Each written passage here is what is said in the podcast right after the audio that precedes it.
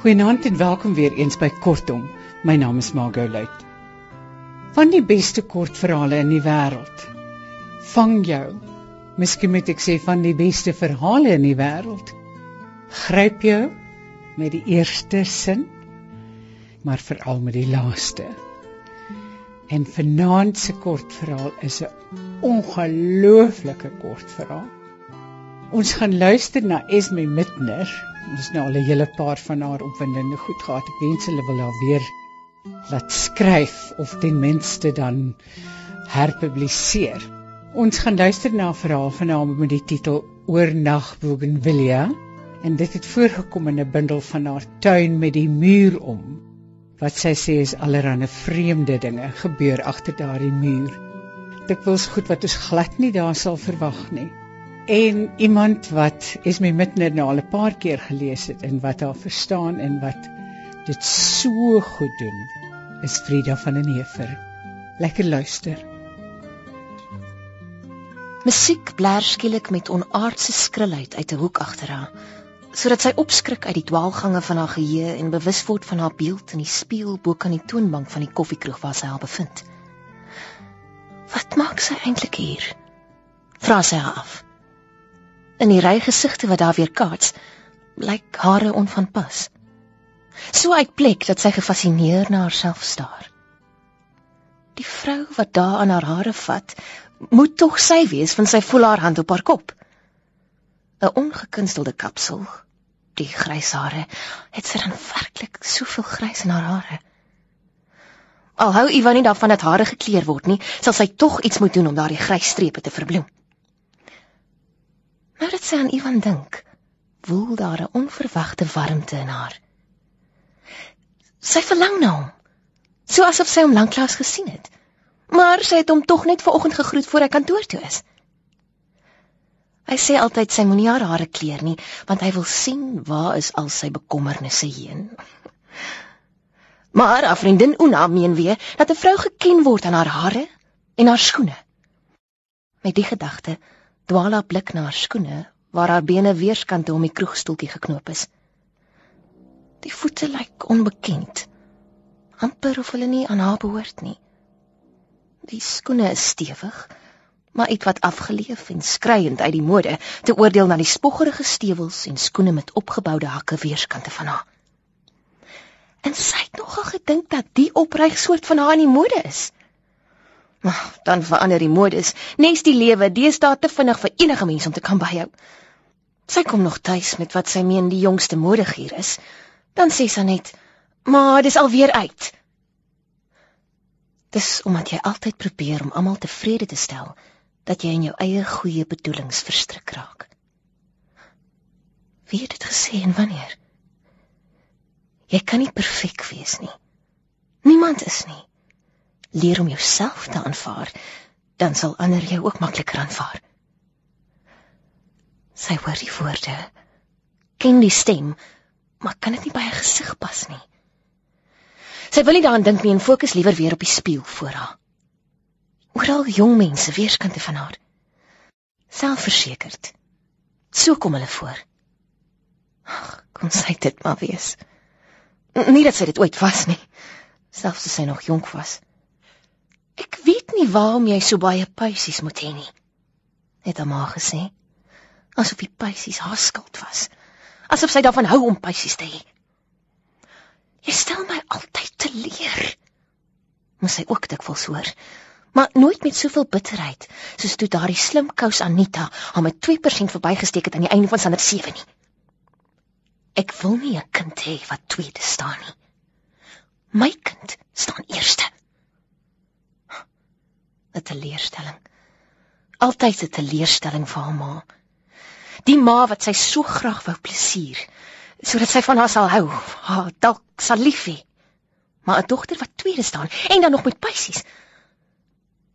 Omdat jy nie aan jou ma se eise kon voldoen nie, voel jy steeds dat jy tekort skiet in die lewe. Weer die stem. Die stem sonder gesig. Is daar nou nie ergens in die Bybel dat jy gesigte sal sien en stemme sal hoor nie? Dit is sy. As sy nie gesigte sien nie, hoor sy stemme. Die van die gesiglose een word nou verdring deur die hartstogtelike stem van 'n sanger. Oh, I need someone to lean on. Someone to understand. Maar sy het mos iemand wat verstaan. Sy het mos nou iemand. 'n Gevoel van verwarring en verlatenheid wel in haar op, sodat sy met 'n bewende hand na die koppie koffie voor haar gryp. Is jou koffie nie koud nie, Ivan? Ek is jammer, jy het so gedraai, ek sal ander maak. Nee, dit is nie. Buitendien gee ek nie om nie. Ek hou meer daarvan as dit nie so warm is nie. Maar sy gerusstellende hand op hare. Los dit. Ek hou van jou koffie. Ek hou van jou, nes jy is. Sy dit maar kon glo. Dit net kon aanvaar. Sy kon ook nooit glo dat Sanet klavierlesse wou neem omdat sy werklik lief is vir musiek nie. Jy is net nie logies nie, het Ivan mismoedig gesê. Jy is gedwing om klavierles te neem omdat jou ma gereken het dit hoort by 'n ordentlike opvoeding en daarom het jy dit gehaat. Sanet wil musiekles neem omdat sy daarvan hou. Verstaan jy dit nie? Hy het met ongewone drif gepraat. Probeer logies die motivering van jou dade bepaal. Kom die stem saam met 'n skril wanklank toe die musiek in 'n nuwe ritme losbars. Dit voer haar terug na die dag toe sy Sanet se ewige getoekel op die klavier wat Ivan teen haar sin vir Sanet op haar verjaardag gekoop het, nie een oomblik langer kon verdra nie. Elke verkeerde noot het eers in haar 'n seer snaar geraak en haar tot raserny gedryf.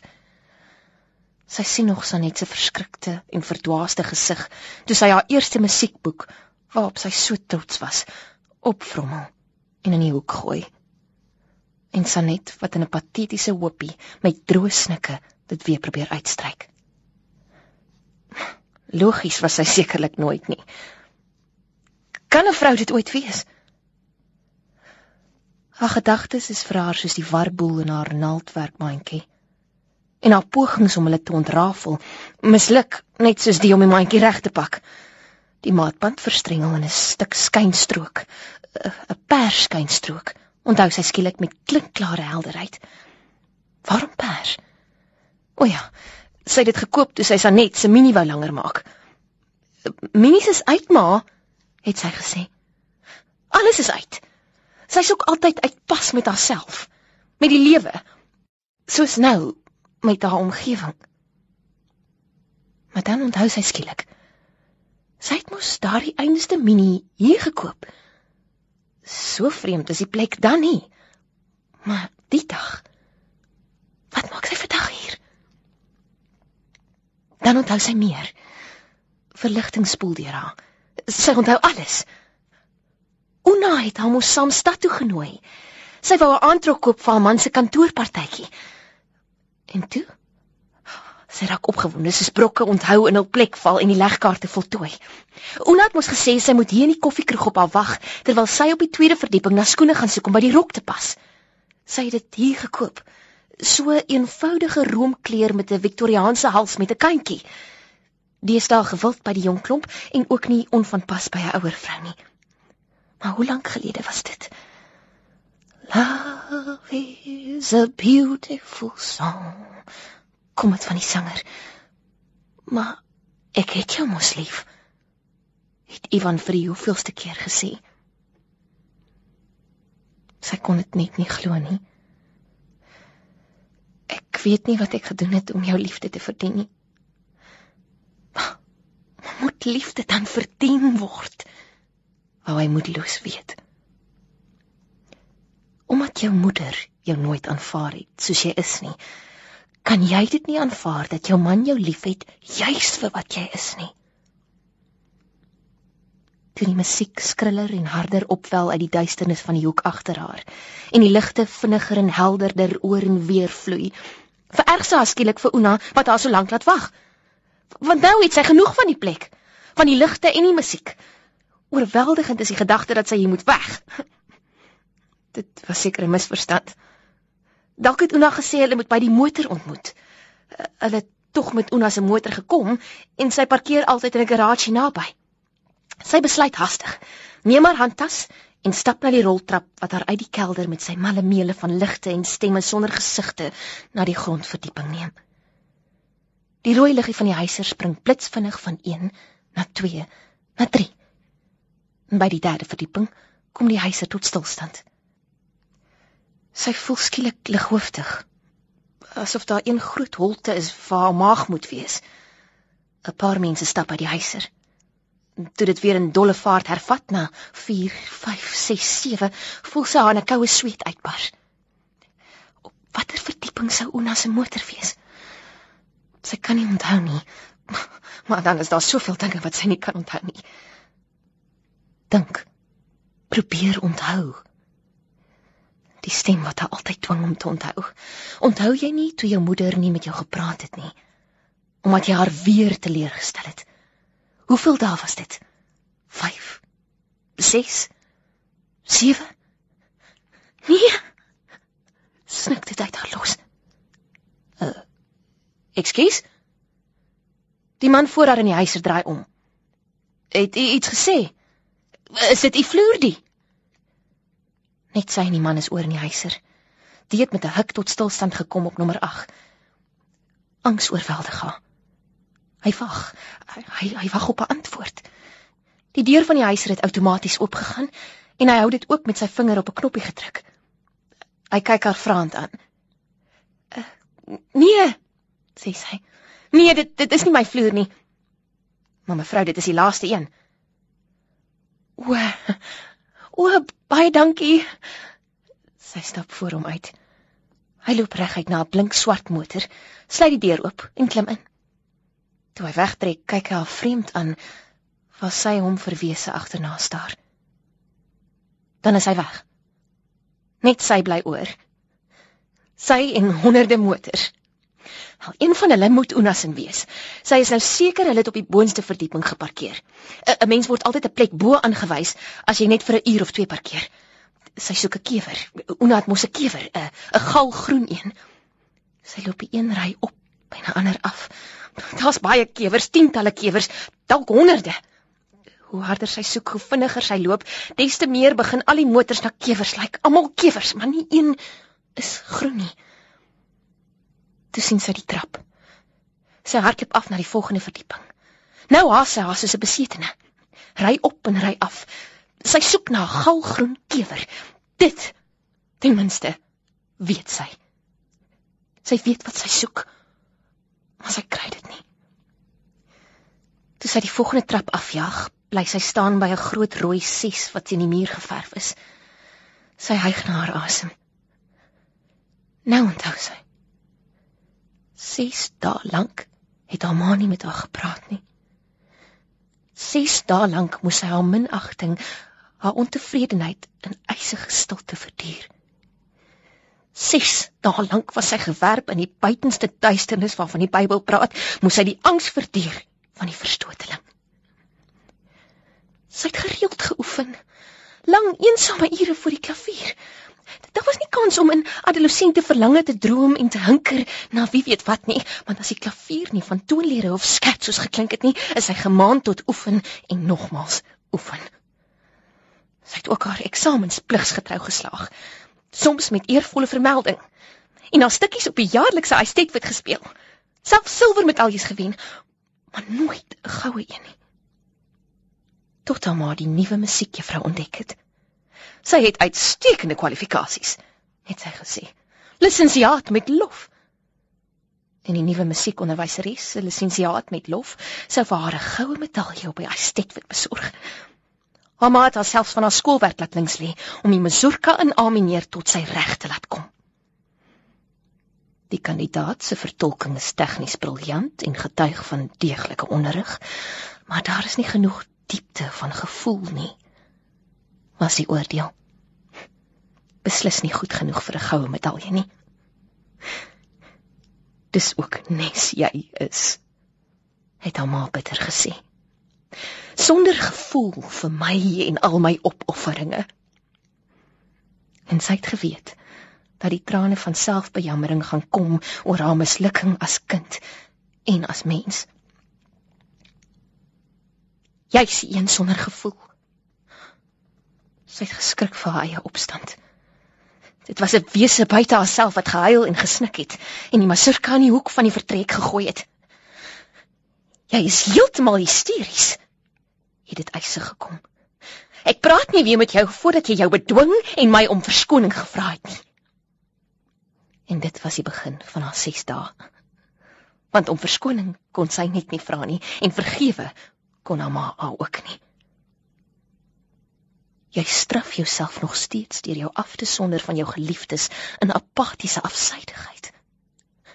Maar ek wil ek wil met hulle praat. Met Ivan en Sanet. Maar ek kan nie. Oorweldigend word die gevoel dat sy hulle wil sien. Die twee mense wat so alles in haar lewe is en vir wie sy so dikwels krenk. Sy kan mos met die bus huis toe ry. Sy voel soveel ligter. Vryer. Ja, wat is miskien so vreeslik daaraan om met die bushuise te ry? Dit is darm regtig tyd dat sy weer in die tuin inspring. Dink sy toe sy die tuinhekkie oopmaak en die bekende paadjie na haar voordeur opstap. Sy het nie besef dat die tuin so verwaarloos het nie. Met uitsondering van die bougainvillea by die voordeurtrap. Die het verbasend mooi gegroei uiteindelik werkbaar vertoeteling van die plant wat maar net nie wou gedei nie, nou vrugte af. Dit lyk of dit oornag vlam gevat het. Dit spog met tros op tros, diep persrooi blomme. Dis aan die voordeurknop vat, besef sy dat dit gesluit is. Vreemd. Die tyd van die middag is sy net mos al tuis van die skool af en stap die maats in en uit. Sy lei die klokkie en hoor die klank deur die huis weer galm. Dit voel vir haar na 'n lang ruk voor sy Sanet se hastige bekende voetstappe in die gang af en om die hoek van die portaal op die klipvloer hoor. Die klank daarvan laat 'n vreugde in haar opkom. Jemmel, dit voel of sy Sanet jare laas gesien het. En toe goed sy haar net die oggend gegroet voor sy skool toe is. Wat 'n plesier is die kind tog nie. Al moet sy toegee dat daar deesdae tienerstorms en trane dalle van onvergenoegdheid is wat daarom gelukkig net so vinnig oorwaai as wat hulle opgesteek het. "Hallo skat." Groet sy vrolik, toe Sanet se lang gestalte in die deuropening verskyn. Terselfdertyd flits dit deur haar gedagte hoe vreeslik vinnig Sanet in die laaste tyd opgeskiet het. Sy was altyd lank vir haar ouderdom, maar nou het sy oornag amper soos die rankplant groot geword. Sy moet langer as ek wees, dink sy verbaas en sy skuur by Sanet verby met: "Hoe lyk dit met 'n bietjie tee?" Sy en Sanet drink altyd so lekker saam tee.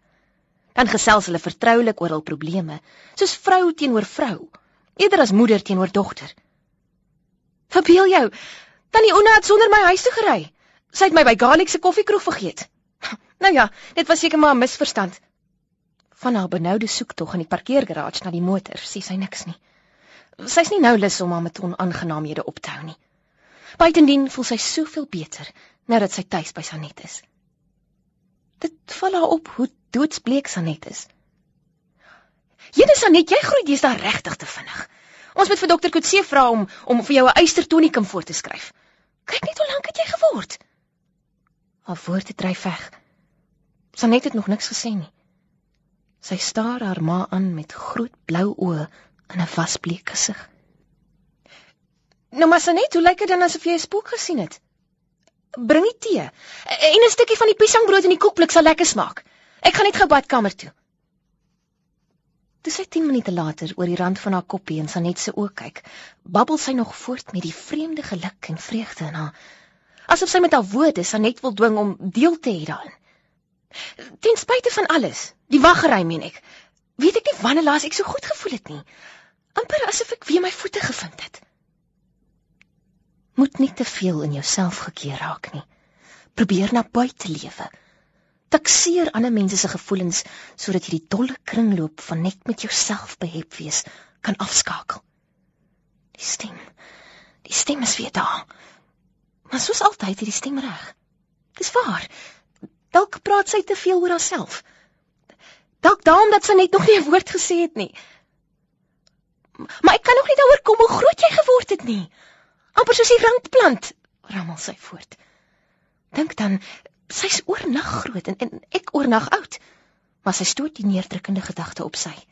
Sy wil net gelukkige dinge dink en praat hier by Sanet en haar lekker koppie warm tee. Maar die piesangbrood dan? Waar is die piesangbrood? Sy het nogal honger. Dit is of Sanet haar gedagtes lees. Die piesangbrood is op. Sê sy stadig. Net asof sy swaar kry om te praat. Dit is snaaks. Ek het gemeen daar's nog 'n groot stuk. Ek het dit dan net gister gebak. Het jy dit geëet? Nou maar ek's bly. Jy jy groei so vinnig, jy het kos nodig en piesangbrood is voedsaam, weet jy? Maar sy net antwoord dan nie. Sy kyk net af na die vloer. Sy sit haar kopie neer. Maar Sanet, gebruik jy tog nie oogkleersel nie? Is jy nie nog te jonk daarvoor nie? Ek meen ek weet vandag begin meisies gouer met gremering as in my tyd, ook nie soveel gouer nie. Ek kan onthou dat ek op jou ouderdom met lipstifie gelol het tot my ma se ontsteltenis. Deesdae sal jy meer in ooggremering belang, maar 14 is darm 'n bietjie jonk. Sanet kyk vinnig op. Ma en sy kry steeds swaar om te praat.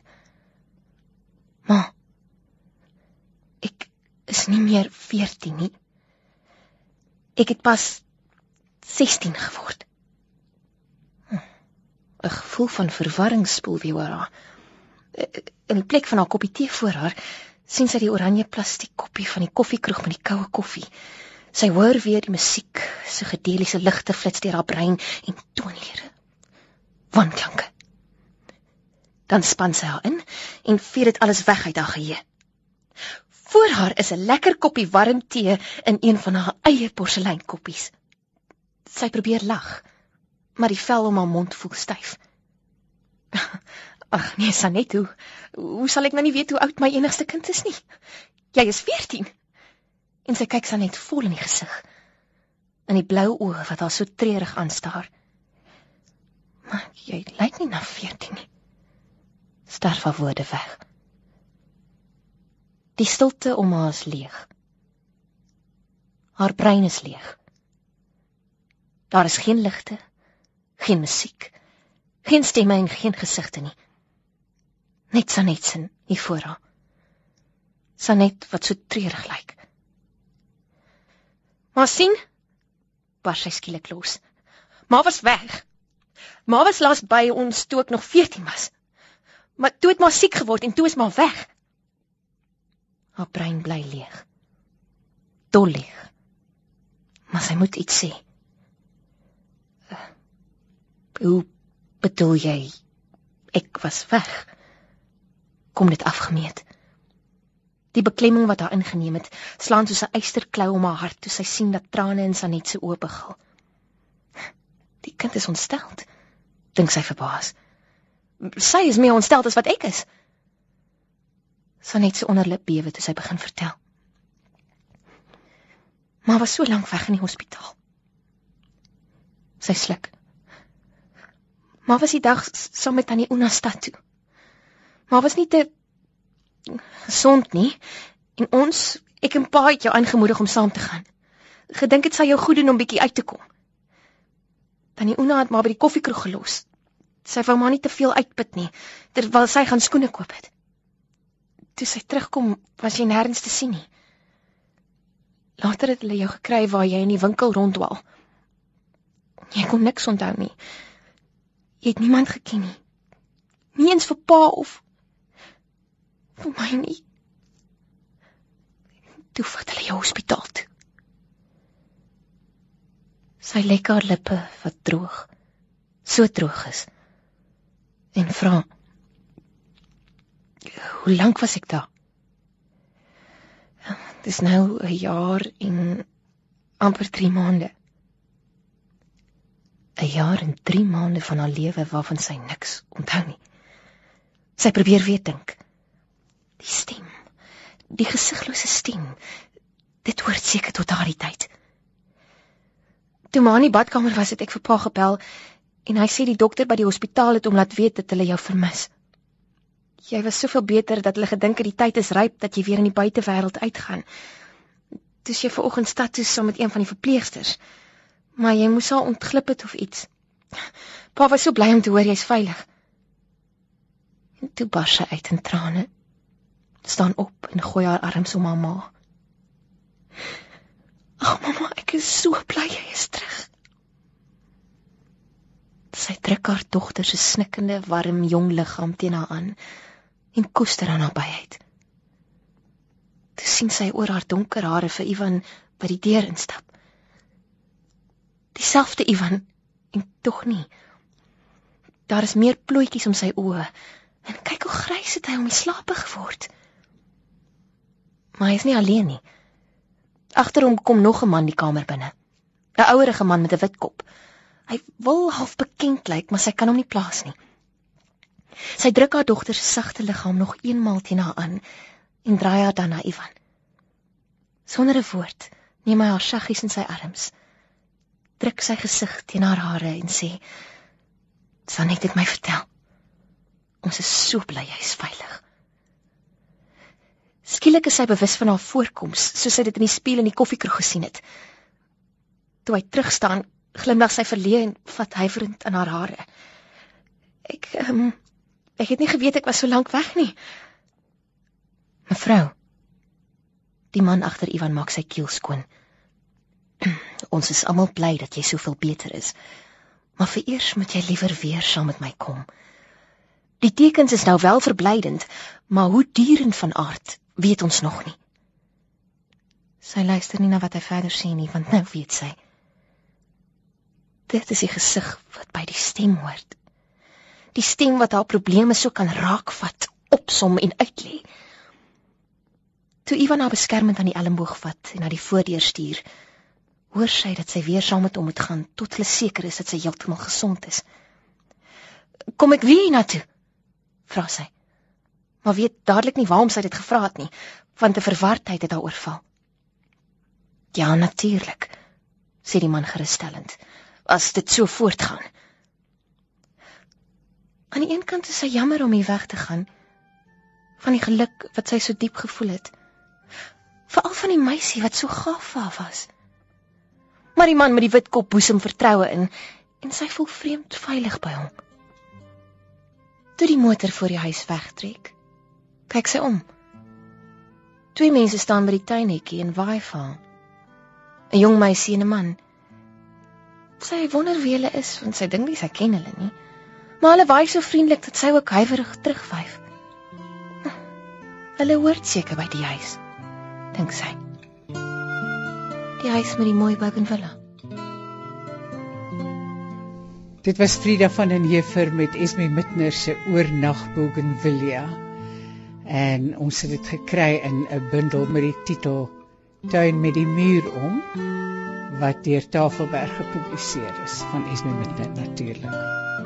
Van my, Margolite, alles van die aller aller allerbeste. Tot volgende keer. Mag dit met ons almal baie goed gaan. Totsiens.